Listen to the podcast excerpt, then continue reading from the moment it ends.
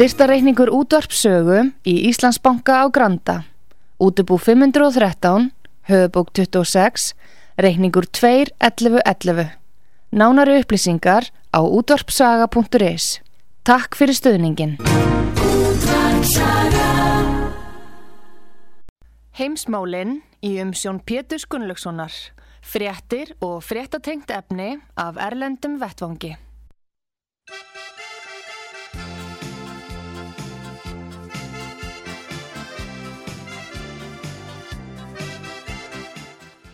Góðir eh, hlustendur, þið er að hlusta á útvarpsögu. Ég heiti Pétur Gunnlaugsson og ég ætla að ræða við hann Gustaf Skúlason, fréttamann útvarpsögu í Svíþjóð Sæl og blessaðu Gustaf.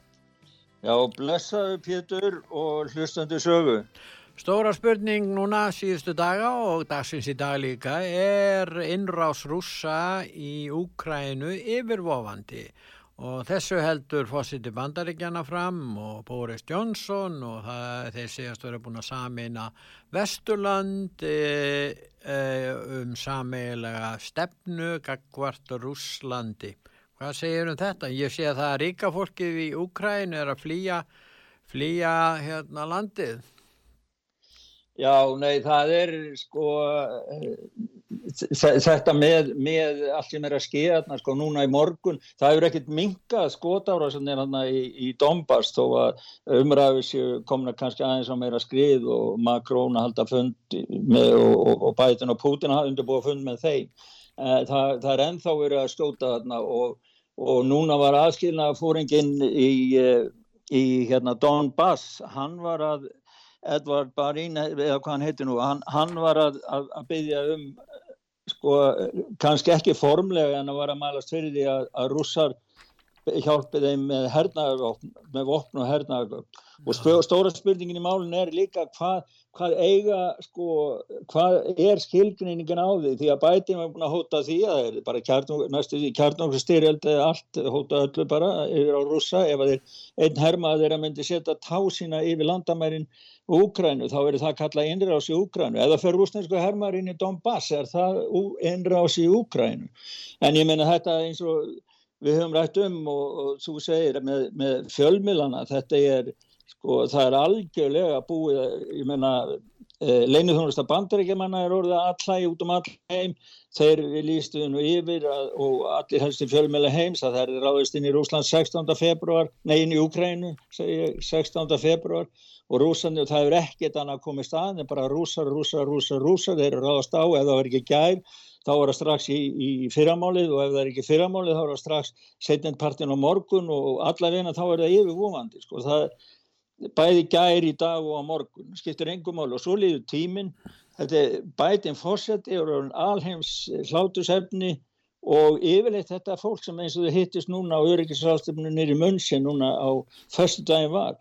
Þar satt Levenski, uh, fórseti Úgræna, Selenski segi og, og, og, og hlustara á sko morð þungan póka með bara sleggjum á rúsana. Mm. Málið er að rúsaninn hafa aldrei komið að því sem þeir eru að byggja um. Og það er ekkert mátt hlust á það, það er bara að tala um þeir eru með, þeir eru með hermenn við landa meir Úkrænu, þið ætla ekki að þetta. Ég meina þess að það eru blöði í Breitlandi sem að byrtu myndir af því hvernig þeir ætla að ráðast inn í landi það eru sem sagt, sagt öryggisfulltrú af Vesturlanda tekna, gera teknimyndir af því hvernig rúsninskir herfóringar ætla að ráðast inn í, inn í Úkrænu allt í einu er það, er, er það orðið NATO og Vestuveldi sem stjórnar rú, rúsnanskum her, hermönum ég meina þetta er náttúrulega bara þetta er, þetta er, sko, þetta er svo raunveruleika leika, þú veist e, bara burtu frá öllu sem er raunveruleiki að þessi menn þeir á bara glemt sér inn í eins og þú sagði síðast þegar við tölum saman að þeir var að spila tölvuspil. Þeir á bara glemt sér inn í einhvern svona tölvuspil leika herbergjum. Já, með mynda, með mynda Putin þetta snýst allt um Putin ég menna hann er svona höfuð hérna höfuð fanturinn í, í leikfléttunni og og hann er raun og verið, honum er stilt þannig upp. En varðandi hérna þessa alvöru í þessu málum, nú er það þannig að í Svíþjóð, þar sem að þú hefur nú búið lengi, að það eru kjarn okkur sprengju vélar bandaríkjana á æfingum í Svíþjóð. Hva, hvað er að gerast þar? Og hvernig í óskapunum stendur því? Hefur þetta gerst áður?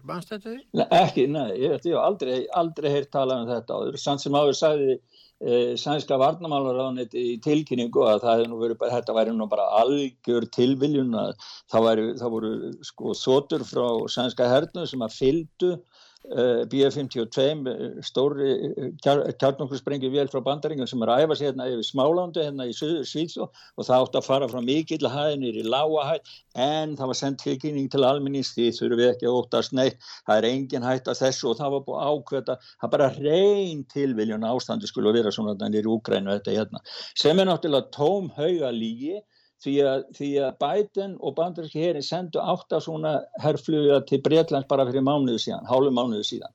Þannig að sko, maður sér það, sko það sem að er, rússar hafa verið að reyna að koma sínum málum að. Þeir hafa verið að reyna að koma að nokkrum punktum sem þeir vilja ræða í sambandi við öryggismál Európu og það er fyrsta skipti núna þegar allt verist alltaf bara að fara í heimstyrjöld sem að það er gefið með sér að það eigi að vera fundu til þess að leifa þeim að segja það sem þeir eru búin að vera að tala um allan tíma en það fór á. á sínu ha. tíma fór fram uh, í Helsingi uh, hérna, ráðstefna um öryggismál Evrópu, það var auðvitað í kaldastriðinu það var reynd að ná ákveðinu niðurstöðu þar, núna 2015 var ger, fór fram ráðstefni í Minsk í sambandi við Úkrænu deiluna og þar Já. mættu fjóra þjóðir frakkar uh, hérna, þjóðverjar Úkrænumenn og rússar og þeir náðu samkómulagi sem var samþýtt af öryggisráði saminuð þjóðana.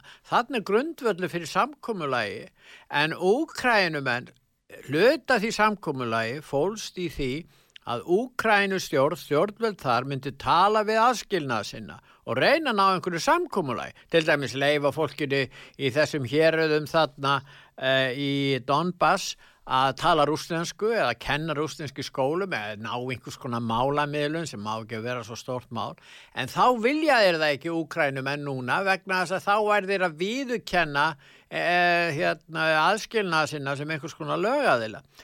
Það er vandamálið í þessu minnsk samkómulagi þannig að en síðan er sökinni varpað á Pútin að hann bara vilja ráðast þetta inn og drepa sem flesta. Sko mér skilst það, ég veit nú ekki, mann ekki alveg ártali sem að Selenski komst til valda. Mannst þú það? Það já, sko þegar...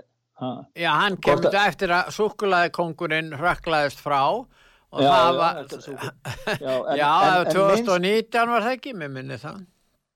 2019? Ég held það, já. Já, nei, ég man ekki alveg árið, sko. Nei, nei mér, mér, mér minnir að ég hafi lesið, sko að Selenski hann vilji ekki samþykja, hann, sko hann hafi ekki skrifað undir sjálfur og sagt að hinn er sem skrifað undir hafi verið neittir til þess á hálfu Úkrænur þannig að hann hefur aldrei... Ja, hann telur sér óbundir að samkómulæði sem fyrverandi fósiti Úkrænu þannig að súkulæði kongurinn skrifað undir ásand breytum frakkum og rúsmi já, ég skilja, já, já. Og, og, já, hann telur sér verið óbundir þessu samkómulæði og hann vil ekki tala við aðskiljan sinna, hann vil tala beint við Pútín en, en Pútín og, og Putin segir það er samkómlega í gangi Já. og það eru, eins og þú sagðir, það eru russar, frakkar, þjóðverð og úgrænumenn en Selenski neytar að koma, hann vill ekki vera þar. Hann vill bara segja þetta er bara millir mín og, og, og Putin svo liggur hann á jötunni hjá NATO og heimtar dagsettingu hvernig hann verið tekin inn í, í bandalagi en það sem að, það sem að rússar eru að reyna að segja allan tíma og það er nú eitthvað, mér finnst nú að menn verði nú aðeins að dóka við að hugsa út í það. Ég vilji eh, Vimman fyrir um var að, var að Hann var þingritar í varnamálaráðanýttist Þísklands 1985-1999. Hann segir núna í viðtali og Der Spiegel í, í Þískland er að koma upp með það, með gögg, bæði minnisblöð og fundarsamþyktir, að þeirra samningunum var gerður um samningu Östu-Þísklands við Vestu-Þískland. Þá lofuðu utanrikkisráðherrar Bandaríkjana, Fraklands og Bretlands og Þísklands lofu allir því til Rúslands, eða, eða hvort það var Sovjetríkinn þá, en, en það skiltir ekki máli, lofuðu því að NATO skildi ekki vika út sín, sín, sín yfirávarsvæði lengra í austur. En síðan þá, þá er NATO búið að búið að fá öll fyrir eh, hérna Vassabandalagsríkin sem á, til, í Raustur-Európu sem tilhöru gamla Sovjet, alveg frá Baltísku löndunum hérna, Estland, Lettland, Litáin og, og alveg niður eftir allir Európu. Þetta er allt komið, það er búið að fylla þetta herrtækjum, hermönum og, og, og drápstólum frá NATO og núna er NATO bara að rífa kæft. Stoltenberg, hann sagði þá fundunum þetta, ef að, ef að rússar byggja um minna NATO þá skulle þeir sko fá meira NATO og maður spyr sig hvað eru orðið eftir af þessu, þessum fallega kjarnar sem maður tala svo fjálglega um að NATO sé varnabandana ef að NATO væri varnabandana þá hefðu þeir náttúrulega að taka Rúsland með, með sér í það. Mm. en þeir æfa alltaf á, gegn einum óvinnu og það er Rúsland En tekur eftir því að bæði frakkar og þjóðverjar vilja dragu spennu. Þessar þjóðir vilja ekki, og það er stó, stóðu að þessu minsk samkúmulagi, þeir eru ekki narrins herskáur eins og brettar og bandaríkjaman, sérstaklega bandaríkjaman. Þú sérð alveg munin á þessu.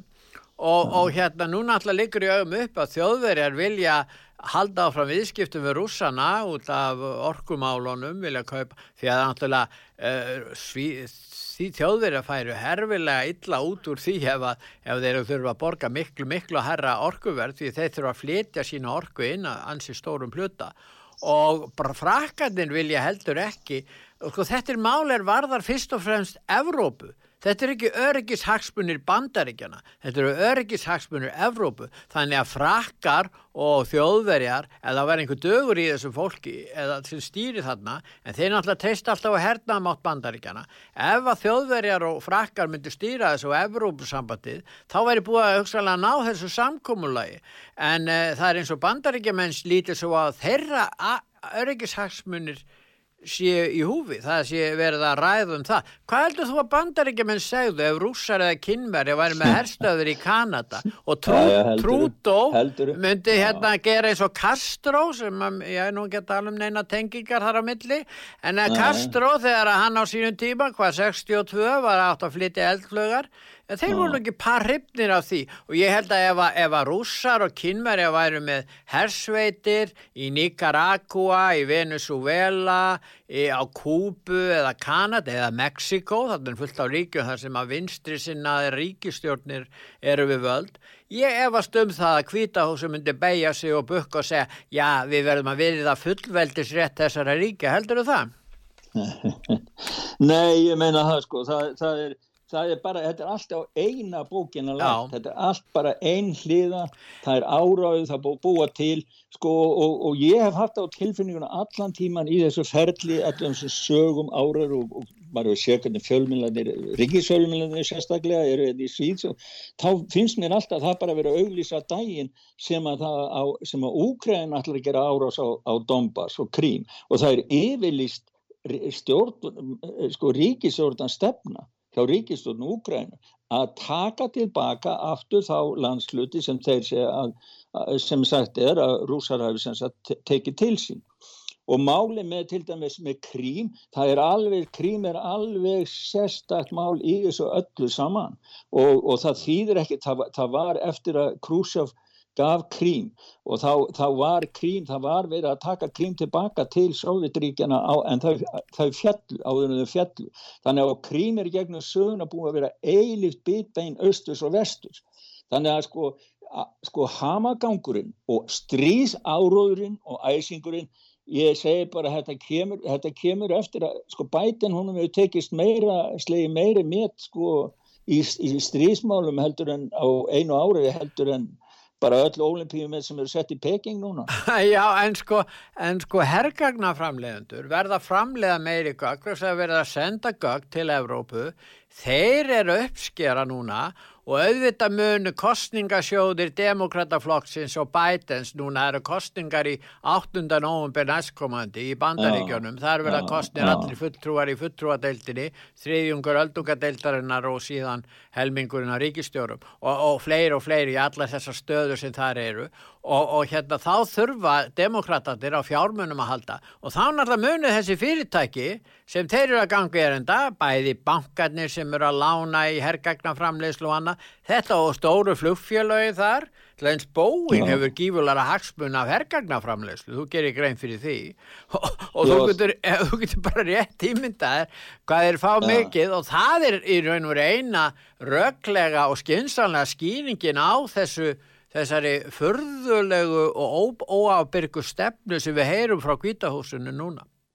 Já og svo sko það hefur nú verið síður sko er nú bara stíl mafjufóringjans Joe Biden sko það sem hann hefur verið, hann hefur verið að gera enga business fyrir sig og fjölskyldu Já, hann hefur Já, og svon sinn ekki síst sko. það hefur maður séð á ferðum þegar maður var að fórseti bæði í Kína og líka í, í Úgrænu og áhverju ætti að vera eitthvað öðruvísi núna núna er til dæmis Póland var að kaupa bandaríkjaman þeir að selja núna Já. bandarísk vopn í tonna tali Já. til NATO Já, heldur þú að herrgagna framlegendur sé ekki ánæðir með það að Östur-Európaríkin sem er nú ekkert mjög efnuð þeir þurfa að kaupa all þessi vopn í stórum stíl, hvað heldur þú?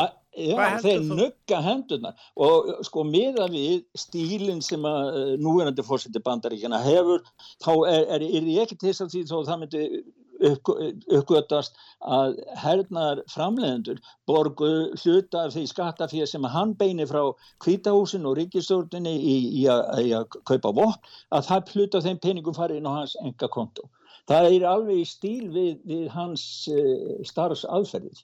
Joe Biden sko. En hvernig hefur þessi, já við tölum um hræðslu áróður sem hefur verið rekin um það að það væri yfirvofandi styrjöld og jafnvel ferða fjalla um átökum millir östus og vestus hvernig hefur þetta fallið í, í hvaða jarða hefur þetta fallið hefur þessi stríðs áróður mistekist, rússarni segja það hvað finnst þér? Hefur það mistekist? Já, sko strís, strísáraun hefur mistekist að því leiti því að þeim tókst ekki, það var ekki engin árás og einrás, hvort það var 15. eða 16. Það var búið að segja, það var búið að æsa upp allir, allir stóðu andin og byggja eftir á einrás rúsa. Og rúsa bara hlæja. Þeir segja bara, ha ha ha, hvað er þið að ruggla? Kalla þetta bara, bara fake news. En hins vegar þá hefur áraurinn tekist hann að það er búið að hræða, ég minna að það voru lítil böttin í Svíþjóð að senda breyt til rúsnenska sendirás og svo byggða um að hætta fyrir högar árásir. Þannig að þetta hefur áhrif bæði á börn og svo allar, allt þetta lið sem að sko hvað ég var að segja, sveitin sem að snýst í kringum elítuna og lifir á því að nærist á því að vera í tengslum við elítuna. Þetta lið, þetta er náttúrulega allt saman á, á, á, á hjólunum.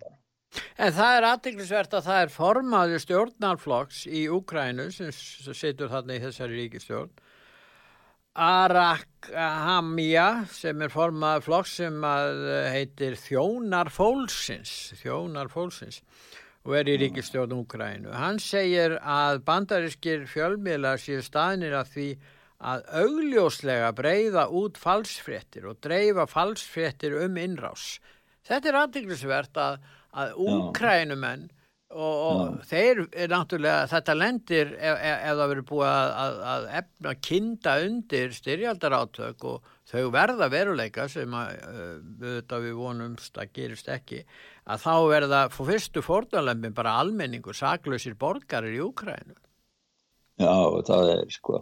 Nei og ég menna að hann hefur sjálfur sagt að Selenski sko, hann hefur sjálfur reynd að tóna þetta nýður og tala um að þetta sé óþarfi og þetta, þetta skadar Úkrænu því þeir missa, Já. eins og hann segir þessi E, þessi e, hérna, Ríka fólki tekur gældirisforðan með sér upp í enga þóttunar endur hann að hóta því og segir við að þeir verða svolítið að koma tilbaka ég veit ekki hvort það geti þjóðnýtt eignir þeirra ef það er ykkur eftir hann jújú, þeir eiga sjálfsagt þetta er mjög skrítin stað að koma upp, hvað ég að sagt Já og það er búið einangra Úgrænu núna, það er engi, engi sem flýgur ánga, síðustu sendir, sendir á starfsmennir að fara heim bæði til Þísklands og Sýþjóðar, það er búið að skera flugsamgöngur, það er enga samgöngur eða orðið eftir nema bara, sko, það er búið að gera þetta svona að skotmarki.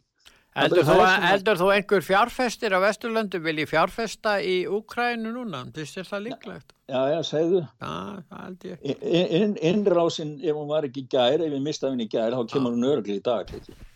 heldur það, já Já, nei, Ég meina- ég segi það Nei, Já. þetta, sko, hlutur fjölmiðla í, í, í, í þessum leik er sko rannsóknar verkefni fyrir sig því að, að, að svona stóri fjölmiðlar skulu upp, vera upp- uppvísir að því að bera svona legar á borð fyrir fólk og hræða fólk alveg bara, ég veit ekki sko. Þa, það hlýtur að, hlýtur að vekja spurningu og þurfa að taka til endur skonar sko hugtakið fjölmiðl algjörlega frá grunnu upp og nýtt sko. Já, bæði Associated Press og Reuters og svo allir þessi fjölmiðlar sem að ímsir, eh, já, og ég tala nú ekki um þessi Já. hérna, internetrisarnir og, og aðrir, þeir styðja þetta allir saman, allir. CNN, Bloomberg, Wall Street Journal allt þetta lið, New York Times þú veist, það eru allir í þessu sko, Já, þessi já. stóru þú veist. Já, já. og Merkir, þeir kannski eru bara allir með sig þeir eru kannski bara orðnir hið sameiginlega nýja prata fyrir þessa nýju heims elitu sem ætla bara að taka yfir allan heiminn sko. Það getur alveg vel meira en velverð en þetta hefur nú leitt til þess að uh, það er að raun og veru uh, allt á söðupunkti í Donetsk uh, til dæmis og þetta hefur leitt til þess að það er búið að rjúfa vopnalhje þarna og átök hafa átt sérst á landamærum aðskilnað sinna og stjórnarhers Úkrænu á, á þeim landamærum. Ég meina Já. þetta er þegar farið að leiða til át og það er ómöld að vita hvernig þau eftir að breyðast út. Það er að segja sko, átökin á milli á- aðskilnað sinna og alls konar herdeilda í uh, stjórnarherr Úkrænu en stjórnarherr Úkrænu er ekkit engungu hérna, stjórna þar hersveitunum á ríkistjórnin það eru til sjálfstæðir herstjórnin sem ólíkarkarnir eiga og alls konar já. þjóðerni sinnar sem, að, sem, er, sem eru öfgamenn sem, að, sem Já. hata rússana á kannski og það eru skýringar sögulegar af því vegna þess að framganga Stalins gegn Úkrænu var auðvitað skelvileg og menn vilja auðvitað vísat gætlan til þess þannig að þeir hata rússana þannig að það er ómöld að vita hvað þeir gera. Þeir geta ráðist inn í aðskil hérna, í þessi, þessi svæði fyrir austan og þá fyrir allt í, í bál og brand og þá er spurningin hvað rússati gera þá.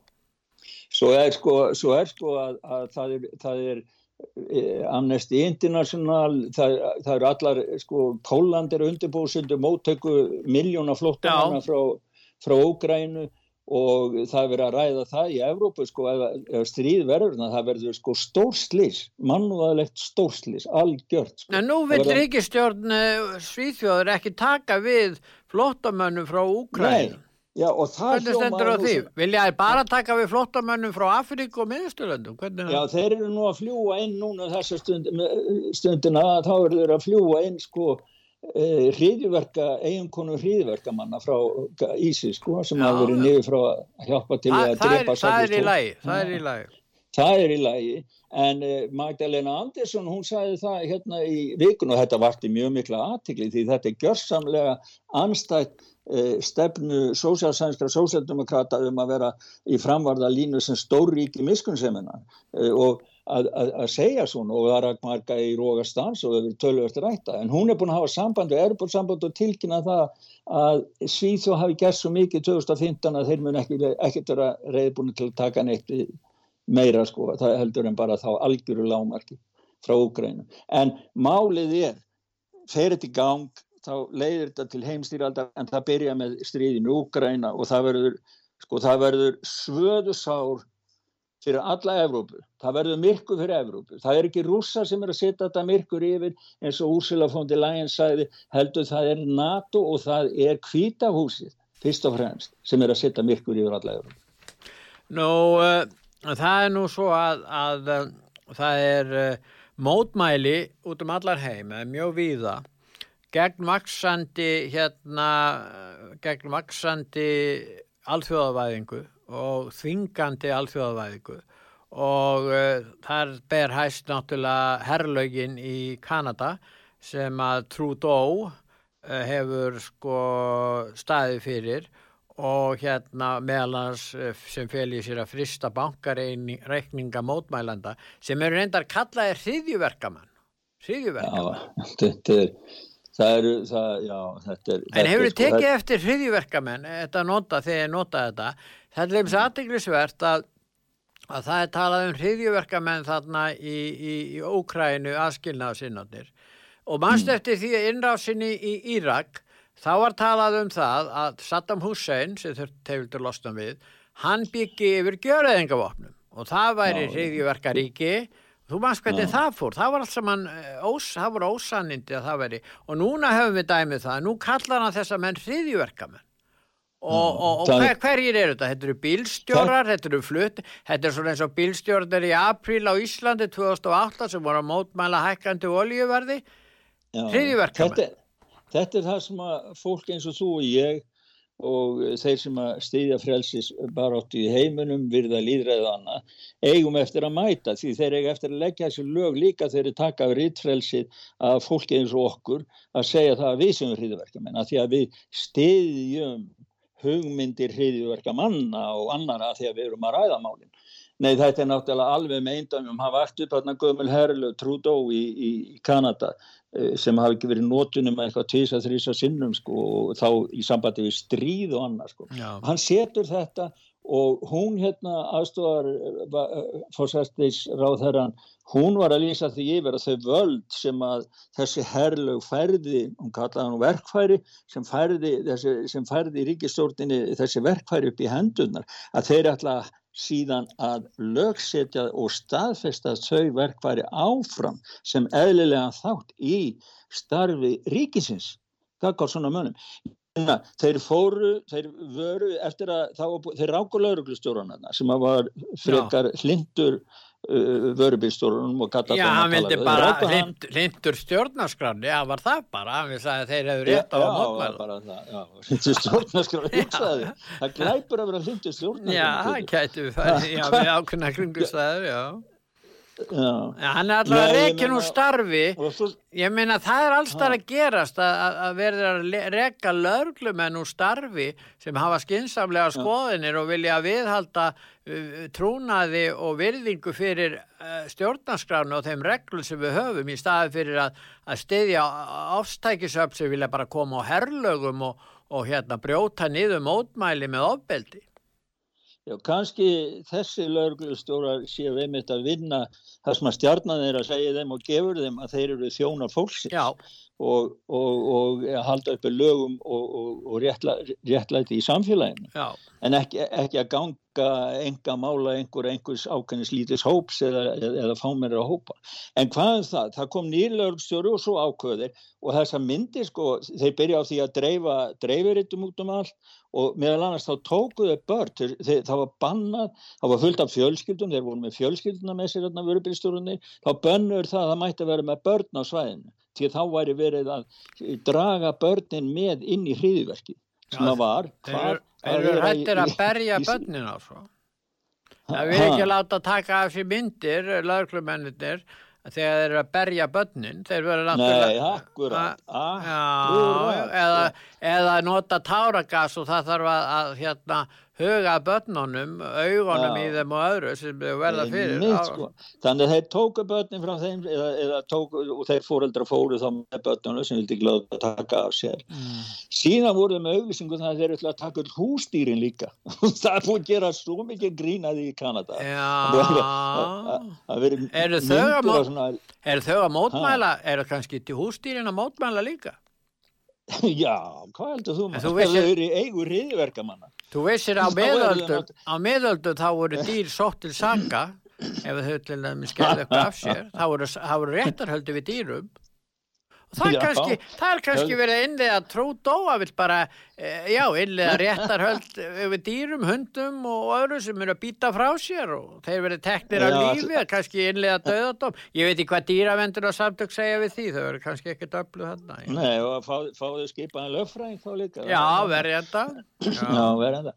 Nei, ég meina, og svo letuðu til skara skrýð og það var alls ekkit fallet, en ég meina, sko þeir eru búin að sko, og svo tilkynntu hún líka samtímis að með þessum herlugum það var, það var lekið út úr annari söfnuninni, peningasöfnuninni og jáfnveg fólk sem borgaði bara 25 miljón, 25 fyrir ekki, 25 dollara í söfnunina það allt nú, er allt í nú komið yfir á skrá hjá kanadiska ríkinu sem óvini ríkisins af því að það var að styrkja hriðiverk í, í Ottawa. Þannig að þú veist, þetta er Þetta er orðið svo keksruglað, þeir lokuðu þingin í sama dag. Það, það var ekki stjórnarnanstæðan, fekk ekki möguleika að ræða málinn á fundi í þinginu, sama dag við litum til skara skrýðast. Þannig þinginu loka, þingaðinu bara hendi út í hotn það eru bissurnar sem er teknað fram og látna tala annarkort bara gera eins og við segjum eða þú, eitthvað hefur bara verða síðan tókuðu bílana og þeir ætla að selja þeir hafa tekið bílana nauðungar námi Já. þeir ætla að selja þá á, á, til, til þess að fá peninga Egna námi sangat herrlögum ákveði herrlögum um egna nám Já, ég veit ekki, ég þekki ég sé ekki all, all, all, já, það, þeir telja það að þeir hafi rétt Já, já, þetta sé sko alls og Uh, tæki notu til glæpaverka þá séu það uh, að gera þau upptæk. En ef ekki að hlusta á, á, á hérna hljóðbút þarna sem Já, frá Kanada það, það var, þetta er hljóðbútur hann, hérna frá Kanada og við, þetta er stutt. Við skulum hlusta í það Já, það var hannan hérna hjá Fox. Það var fréttakona hjá Fox sem er með fullt af vörubilstólum í kringu sem hún var að spyrja, að spyrja á hvað hann finnst um trúta og við erum endilega að heyra það. Já What I want to ask, I want you to ask the whole crowd what they think of the gutless, spineless, cowardly Prime Minister Trudeau. I want to know how they feel about him. I'm going to try to remember that. Gutless, okay, spineless, Sean wants cowardly. to know from the crowd how you feel about the gutless, spineless, cowardly Prime Minister Trudeau.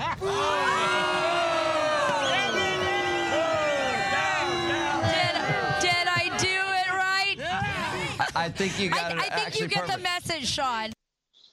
Já, þarna voru, var hópur um mótmælendur að fagna, taka undir það að, að lýsingu frettamannana á Trúdó að hann væri hugleysingi og þau tóku undir það. En það er slefis aðteglisvert að Trúdó er í felum, verðist vera, það er komin önnur annar staðgengill fyrir hann, hún heitir Kristija Fríland, hún er vara fósittisráður af Kanada og hún virðist mm. vera ennþá harðari heldur en Trúdó því að Trúdó hefur kannski vantar svolítið svona uh, kjark til þess að koma fram fyrir almenning og tala við bílstjórun en hún er alveg köld þessi og hún vil gera undatekningar ástandi þar þetta ástand sem er ekki núna hellög að nýri reglu í Kanada hvað, hvað finnst þér um það? Hún er að sé rótækast ég segi bara eins og hérna, eitt fréttamarinn í Toronto sagði, sko, hann sagði bara Kanada er laurugluríki, það er bara eins og að vera í, innan laurugluríki, engin lög allt í núni höndum, neyðalögin sem eru herrlög og, og allt þetta, hljómaður er svona Kúpa eða Kína, það sem er að gera, það er borgarastýrul, það er það sem þetta er og ég var að tala við bílstur á þann og bílsturna voru dregnar og og það, það er bara fórsættisráðin í Kanada hefur gert öllum það ljóst að fólki skiptir engum máli. En náttúrulega fyrir allt venjulegt fólk þá skiptir fólki máli skiptir. og það er hvaða, hvaða eh, glæpur er það að leggja bíl og, og flauta? Hvaða hriðiverka er það? Maður hefur ekki drepin Nei. Þannig að nei þetta er, þetta er og það er hérna sko það sem er að skýja núna Þeir eru að loka bankareikningum hjá fjöldamann sem bara hefur verið í nágrennun líku við og sko þeir eiga eftir að fá á baugin held ég. Mér var svolítið uh, hrútlegt hjá þeim að það fórsiti dómsmálar á þeirra Kanada. Hann sagði það verið í lægi að loka bankareikningum því að þarna væri einhverjir að styðja Donald Trump þannig að, þannig að þeir ég ætla þetta það að loka bankareikningum í Kanada vegna að hugsanlega væri þeir að styðja þarna já, sem er ekki, sem er reyndar ekki í frambúðir einstæðar, mér skoðst ekki ennþá Nei, nei, og, en það ja. voru einhverju sko þegar þeir svissuðu yfir á hérna söfnunar síðuna sem er skrásað til bandareikjanum þá voru vist einhverju trömp stuðnismenn sem fóru og, og stöttu þá borguðin á reikningin og þeir sjá bara raug en það skiptir ekki máli því að sko Trúdó er búin að ákveða hann sagði bara við stjórnarnanstöðun á þinginu já þið fylgir bara fólki sem að lapar um með nazistafána það var einhver einn maður sem kom með nazistafána og lappaði einhver starf hérna í Toronto og hann var bara tekin í burtu 1, 2, 3, vörubilstjórnum tók hann í burtu sko. En, en fórsættisráðun að segja, við stjórnarnarstöðuna sem er að tala um, um uh, þingraði, líðræði, stjórnarskráð og annað, þá segir hann bara að þið eru bara undir fánum, nazista fánum að ganga henn út á götu. Já, ég meina maðurinn er ekki í sambandi við raunveruleika og það eru sko bara takaða með í leiðinni Pétur, það eru mannréttindarsamtök það eru lögfræðingar stjórnarskránemndar, það eru lögfræðingar sko, fullt af samtökum í Kanada sem að eh, verða og verja líðræði, mannréttindi, frelsi og stjórnarskraf Kanada eru að það er búin að kæra, það regnir kærumálanum yfir Ríkisvöld Kanada og Trúdónunum. Já, herðu, en það er náttúrulega, það er uh, frelsislestin er í Brussel, þar er hún stöðuð, Það eru í oh. Ísrael, eru 20-30 þúsund bílar í frelsislestinni þar. Svislettingar hafna ríkistyrkjum til enga eh, reikina fjölmiðla. Það, það er náttúrulega bara vegna þess að þeir telja að uh, þessi fjölmiðlar sem er njóta styrkja, þeir gangi erinda ríkisins og er ekki sjálfstæðir fjölmiðlar. Við, já, þessi já. fjölmiðli útvarsaga er án ríkistyrkja, þannig að menn ætti að hafa það í huga við erum þess að ekki háðir framlægi þeirra og þeir get ekki tekið síman og fara að hafa afskipta á okkur en það myndi það hafa bara engin áhrif að sjálfsögðu. Þingið og ríkistjórnum voru búin að samþykja þetta sem lög en Já. það var sett í atkvæðgarísli í Sviss og því var hafnað þannig að þeir var að beigja Stjórnmálastettin vill þetta til að stjórna fjölmjölum Akkur er þetta þeir vilja Það er vegna þess að þeir vilja stjórna öllum. Það er ekki bara við höfum hér ríkisútvart, þeir þurfa líka að stýra hinu, hinu fjölmiðlunum, er að segja fjölmiðlunum sem eru þægir og hlinir. Þeir fá náttúrulega umbun og fá Já. smá móla, hérna einhverja veftsíður sem er að, hérna, sem er að uh, verða sér út um síma og annars líkt. Ég menna það þarf að útvega þeim peninga, er það ekki? Hmm. No. Nei, það er, það er sko hart barist í heiminum um, um málfrelsi þessa dagana sko, maður sér það og, og þetta kemur í kjölfar COVID sko, og maður sér það til dæmis og, og þetta er bara, finnst þetta mjög gott hjá síslendingum að hafa, hafa greitt svona atkvæði. Og maður sér það til dæmis núna, það voru 20 franski þingmenn, þeir voru að krefast þess að afneima bólusetningapassan þegar í stað því þeir segja að, trú, að, að hérna, Macron noti þetta alltaf býða með afléttan þangar til bara viku fyrir fórsetakostningar að til að geta staði komið fram og sagt ég sjáu hvað ég er góður sko. Þannig að það, það voðalega mikið spil, pólitíst refspil í gangi í sambandi við COVID út um allan heim og málfröðsig. Nú hérna Gustaf við ætlum að fara að hérna, hlýða á nokkru rauðlusingar en eftir að við, eftir rauðlusingalíðinu líkur að þá ætlum við að spila hér hljóðbút og viðtal við unni Eggerstóttur. Já, í, það var eh, sprengju ára ás núna á förstu dæn held ég að verið á, á, í Malmu og það er svo sem ekkit valla áriði fréttnænt lengur en hún býr hérna 2 km frá þetta var tölvöld öflug sprengja Já, við ætlum að tala um vaksandi glæpa mennsku í, í Svíþjó og hérna hún, hún Kjerskor, hún, hún hérna Pía, Pía hún var einmitt já. að greipa reyna frá því að þetta að Svíþjóð væri í dag var örugastaríki í, bara í heimi en núna já. er þetta uh, glæparíki í upplöst segir Kía Perskor, hún er fórsiti fórsiti hérna þingsins. í Danmörku. Mm. og, og já, við skulum þá hlýða á öllusinga Gustaf og síðan hlustum við á þessa konu sem getur greint okkur um á, frá ástandinu þannig að það er kannski komið tími til að Íslitinga gerir sér grein fyrir því hvernig þetta er, þessi trúa því ekki en þeir geta hlusta á hana unni Eggerstóttur við Þorf hennar núna eftir öllusingalíð Heimsmálinn í umsjón Pétur Gunnlaugssonar Fréttir og fréttatengt efni af Erlendum Vettvangi.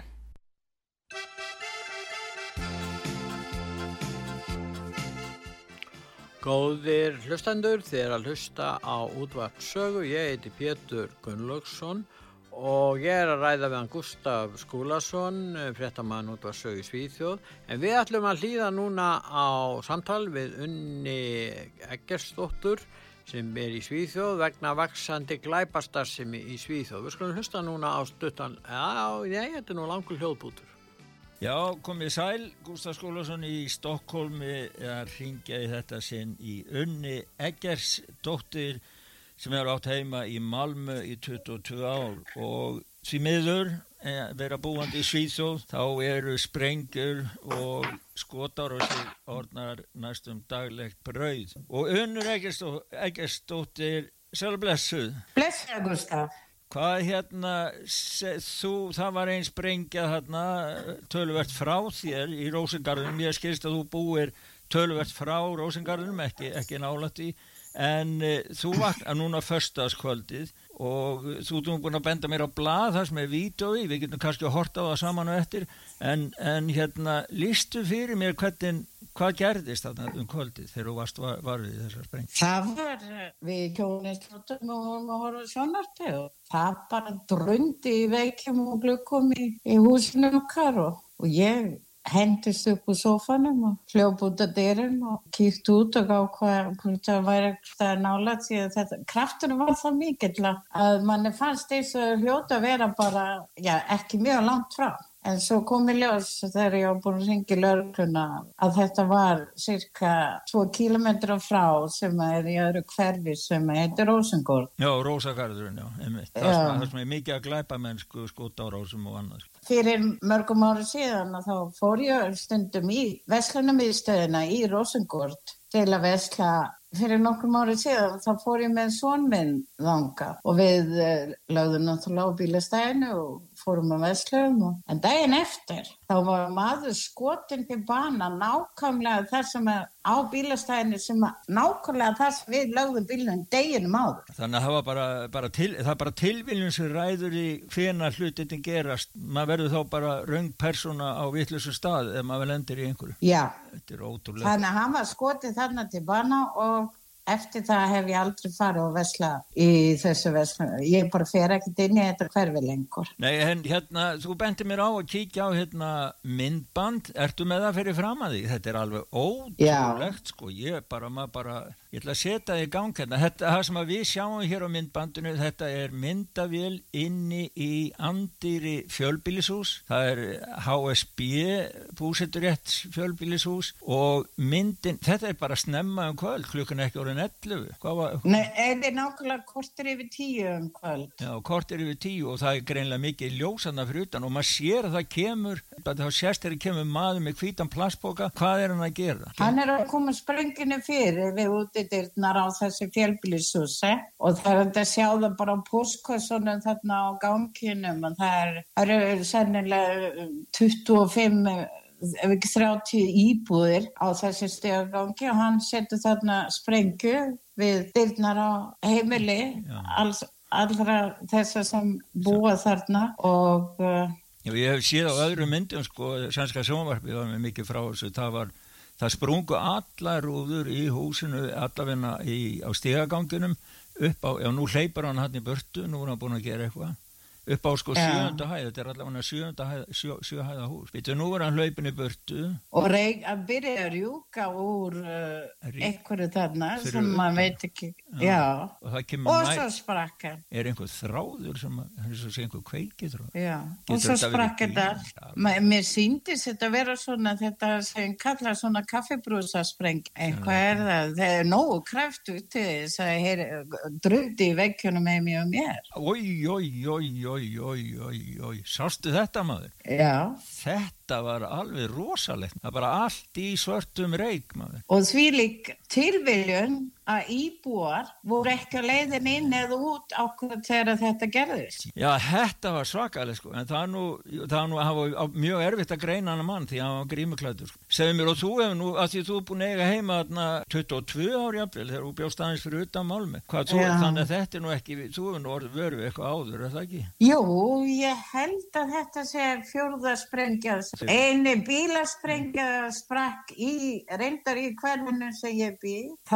sprengja. Einu bílasprengja sprakk í, reyndar í hverfinu sem ég bý. Það var um miðja nótt og það var rosalegu smetur. Og svo fyrir nokkrum árið síðan þá sprakk sprengja í Rosengård og það bundi hér hjá mér líka. Og svo fyrir hvað þremi fjórum ára síðan þá var fæður minn sem var nú búin að vera lauruglumæður í Íslandi í 35 ár hann var í heimsókn hjá mér og við sátum bara í stofun og maður horfði á sannarpæð og þá výbru rúðunar í glukkonum í stofinu og vegginni titru og pappi leita á mig og horfði og segi hvað var þetta? Ég segi þetta var sprengja. Já það kom að því ég hef aldrei heilt sprengja öllu mínum laurugluferðli fyrir núna. En þetta var rosalegt. Og svo tóku, fórum við inn í bíldudagin eftir og gerðum þangað þar sem að sprengjan hefði verið sprengt og það var á bílalegu húsi bara rétt við þar sem þessi sprengja sprakk í kvöld. Hva, nei á fyrstaskvöldi þetta eru glæpagengi sem er stríð á milli og þeir bara plantir út og eru að sprengja hvern annan og skjóta hvern annan svona. Já, það er náttúrulega stæðst möguleikin í, í Rosengård sem eru 34.000 íbúar. Þar er 86% útlendinga sem búa þar. Þannig að bæði gerendur og fórnalöfn eru já, 86% líkur á því að þeir séu útlendingar, bæði fórnalöfn og gerendur. Ég var búin að fá svo mikið upp í kók, ég var svolítið duglur að segja frá þessu á heimasíðu sögum meðal annars og svo rættu við þetta reglulega en undanfarið þá bara þetta er bara, þetta er orðið svo mikið, ég er alveg búin að missa tölna á þessu og og núna dæmi skilst að vera núna fyrir helgi það voru fjóra skot árásir sama sólarhingin hérna í Svíðjóð og það var gott að vel að vera hjá þér eitthvað og svo bara út um Það voru tværi í Limham og, og hérna Bunkifló henni það er í Suðumalmu Þetta er alveg An, Annar var dreppin og hinn hann að þetta er orðið þannig maður er bara, sko ég segja sama maður, maður opna blöðun og maður sér já þessu var skotið þarna eða, eða sprengt tengt og þá. Maður bara fletti fram hjá. En Já. svo þegar maður sko, verður fyrir því sjálfur að sprengjan sprengur þannig að það þýtt eigið heimili verður fyrir barðinu þá er það komið ansi nála þá er maður orðin alveg að gå upp í kók Ég menna, ég heyri sko, þeir voru að segja frá þessi sjónvarpinu núna í síðustu viku 50, 50 skotar og sér frá, frá áramótum, ég var að rekna út sko, það er meiri en einn skotar á dag 12 drefnir og 12 eða 14 særðir, eitthvað svolítið. Bara frá áramótum? Bara frá áramótum og, og þetta mingar ekki neitt, þetta ekst allan tíman og núna eru við að lesa frétti frá okkar gamla góða fósturlandi, Íslandi, eða það er byrjað að skjóta líka. Sko. Ég, ég... Já, þetta er orðið óbúslu og þegar maður er alveg upp með uh, já, lauruklu og þá hefur maður nú heilt ymmislegt alla tíð á Íslandi og auðvitað var rætt pappi kallaður í útkvöld og svona. Ástand á Íslandi í dag er allt allt annað heldur en það sem maður var. Svo vil fólk réttlæta þegar eitthvað svona gerir já þetta verður alltaf verið svona og alltaf verið slæmt á Íslandi en það er alrán Já þetta er orðið vopnað, það verist vera sem að glæpa hópanir séu komnir og er að ná sér fótfestu það sko eins og er búið að vera hér í mörg mörg ár. Það verist bara já, vera já. að komið yfir. en það, segir skýrslega ríkislöruglu stjóra fyrir teimur frá 2019 uh, allt um að lundu glæpa gengin og allt það en hún verist vera að þakka niður eins og er búið að þakka niður þetta með glæpa þróunna í Svíþjóð það er bara þakka niður og þakka niður og þakka niður En hvað segir mér hérna þú hefur ekkert verið að spá í að bara flýta börtu eða svolítið? Við eigum húsna á Íslandi líka þannig að við ætlum að fara að vera meira þar ja. eldra hér ja. því miður og, og það var svona ósjálfrátt við förum bara meira út á land og við förum eiginlega ekkert inn í, inn í Malmö við erum svona í útkverfi Já. Malmö og sem er, við sækjum ekkert neyri miðbæri lengur. Nei. Við erum alveg búin að fá nóga við okkur longar ekkert ánka. Já, já, minn, herðu, já, ég bara þakka þér alveg innilega fyrir og það er leiðilegt að þurfa að vera að ræða svona mál en þetta er bara dæmi um hvernig ástandið er í Svíðsjóð. Það, það fer, vilist ekkert vera að fara neitt batnandi. Nei, ef einhver er, þú finnst mér að fara vestnandi því að alveg ótrúlega hvernig, hvernig samfélagi er að þróast. Það er alveg bara, ég, ég bara, ég næ ekki, ég næ ekki upp hér, ég bara því miður, maður er alveg búin að, þetta eru svo ég- mikið að maður næri ekki að fylgjast með. Nei, það er akkurat sko, það sé ég segi það sama. Herðu, ég bara kveði núna, bara þakka ég kærlega fyrir unnur og hérna, ég fæ nú kannski að ringja í þið einhvern tíma setna. Takk fyrir samtali, Gustaf, það, þér er velkomið að, að ringi mig hvernig sem er. Já, takk fyrir. Já, Já, það var viðtalið við hann Unni Eggersdóttur og hún er benti á það, talaði um það að glæpa samt glæpastarfseminn er að færast í aukana og það er verið að þakka þetta niður í Svíþjóð. En það er nú ímislegt, við verðum að fara, ætlum að spila þetta lag og eftir hérna Russian Government Work, ætlum að, en það er að, þetta með sem að sænska Eriksson var að múta hriðjuverkasamtökunum í Íslamska ríkinu. Þetta er svolítið, þetta, er- ha, þetta er alveg bara, sko, það er alltaf að koma svona frétti bara sem bara spyr sér bara í hvað undra landi maður lifir, sko. Hrundu verbriðin 15% sem betur fer, auðvitað- betur fer hundu verbreyfin, þá getur fólki já. við, ha, Já, það er beitt líðræði í hérna, fjármálakerfinu. for- for- formaður sko félags hlutabrifa eiganda sem eiga nú hlutabrifa mörgum félögum sko, en hann sagði það sko að, að sko peningar sem að eru notaðir svona frá fyrirtækjum, þetta fer til þriðverkarsamtaka sem ánáttúrulega ekki að fara, það er notað til þess að drepa fólk, segir hann, og það er náttúrulega ekki það sem að hlut, þeir sem eru með hlutabrifin vilja að peningarnir séu notaði til. Svo, Þannig að sko þeir hrundu, en ég meina þeir, þeir, þeir mútuðu ISIS til að flytja fyrir sér tækni á einhverjum lokuðum leiðum hann að sögur frá Írak svo er kynvest fyrirtæki að taka yfir öryggismál á Arlandaflugvelli. Já, það, þetta er nú annað líka dæmi svona, þetta er alveg, sko, þetta er fyrirtæki sem er svartlista hjá bæði bandaríkjunum og fleiri þjóðum. Eh, þeir hérna er að koma Svetavia hérna sem að sér um flugvellina í Svíþjóð. Þeir, þeir keiftu af þeim eh, svona eftirlitstæki til að skanna uh, farangur og annað og bara eftirlitsvela, myndavelar og röntgenvelar og ég veit ekki hvað og þetta var komið upp á Arlanda og síðan á þetta bara setjast upp allstaðar í, í, í Svíþjóð. Og svo var verið að, að ræða þetta hérna, já, hverju eru það að taka þetta? Já, þeir eru svo ódýrur og góðir. Og þá kom einn með það, einn, einn, einhver prófessor, þá sagði það, kynverjar eru út um allan heim að undirbjóða meðvita til þess að taka yfir líkil virkar þætti samfélagan í heiminum og maður getur bara sett frá spurninguna til hvers eru þeir að sví Belt og braut, belt og braut, það er belt og braut. belti og braut já. Já, og þetta já. belti það verður nota til þess að reyra svoleiðis að íbúum jarðarinnar að það verður engin braut eftir að nema bara onni hildýpið nema þeir játist kommunistafloknum í Kína En þótt að sé, það Ísl, þó að, að uh, Svíþjóð sé að breytast í glæparíki upplaust eins og Pía Kerskó talar um, þá eru danirnir Já. að reyna að verjast. Þeir segja ef einhverju fjölskyldir er meðlumni glæpahóp, þá verður öll fjölskyldan sett á göttuna og, og það var mál þarna með 19 ára innflytjanda sem var meðlum glæpahóps í Esjebjerg Já. og uh, nú fjölskyldan var ekki frá leiðu í búsinni. Hvað segir það? Já, já, þetta er bara, bara, bara ég bara, tek bara ofan hattinn fyrir, fyrir Dani því að þeir leiða hvernig á að, díla við þessa glæpamennsku. Og, og þetta er bara eitt af öllu því sem þeir eru með. Þeir eru búin að að breyta um afstöðu til dæmis. Hún sagði það, hún, hún unnur, það voru 86% fólk af erlendu brotni í Rósengarðinu. En í Danmörku þá segja það má ekki vera meiri en þriðjungu sem er fættur fyrir utan Evrópulöndin í, í, í, í einu hverfi því að þá allt, getur allt farið í óbild og vittleysu. Það er sérstaklega þessar mótsettingar innan, innan, innan, muslimana frá Araparíkjunum og, og, og þeim löndum sem að, og þetta, þetta öfga íslamska lið. Ég meina Já. þeir voru að setja upp fána, þeir tóku hús þetta niður í Suðu Svíþjóð núna í síðustu viku og hengdu Ísis fánan utan á það Já. hérna inn í, miðri, inn í Svíþjóð, í söðu Svíþjóð.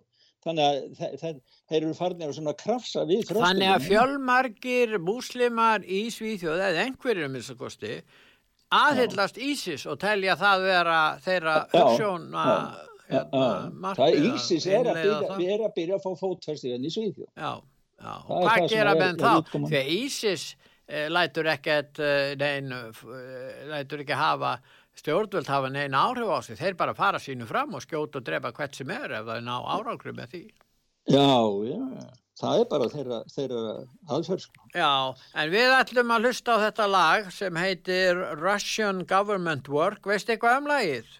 Já, nei, ég veit um að skaplega lítið unna nema bara það að þetta getur verið svona ágætt fyrir alla þetta fjölmiðla sem að eru búin að tilkynna innrása dag rúsneska hersins til eh, á Úkrænu Að spila að þeir kunni ekki já, að þeir, að þeir ætti að hlusta á þetta lag til að læra aðeins um það hvernig Russian government works Á, já, allt er lagið. Við skulum hlýða á lagið. Þakka þið fyrir Gustaf. er fyrir leiðis Og ég þakka hlustendum út var sögu og við skulum hlýða á lagið Russian Government Work. When you receive new official correspondence, it must be handled with precision and finesse.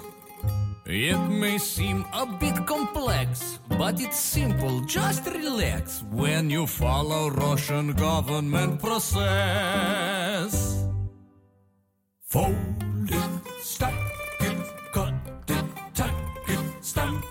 Sign it, seal it, file it, batch it, mark it, bulk compile it, Russian government process. New design on flag, yeah. ban on plastic bag, yeah. equal right for gays, yeah. Asking for a raise, yeah. clip it, tape it, bottleneck it, sort it, tag it, double check it, Russian government process. No, no, no, too fast. Uh, Where do I put this? Application? Take your information to the corresponding station in a classified location no one can access. Stab it, stab it, lick it, lick it, toss it, toss it, flick it, flick it, Russian government process. You see? Not so hard. Just let go, relax, and system will guide you. All you have to do is lunchtime. New boy, you take lunch order now. What? I'll have fish ragu. I want Moscow stew. Moscow stew? Stroganoff for me, make it gluten free. Wait. Apple pie, caviar, gingerbread, beef tartare. Lunchtime ordering process. Fast! Easy on the side, double on the spice. Hey, fillet my chicken, double cook it twice. Grill it nice, super size, baby twice. Taco fries,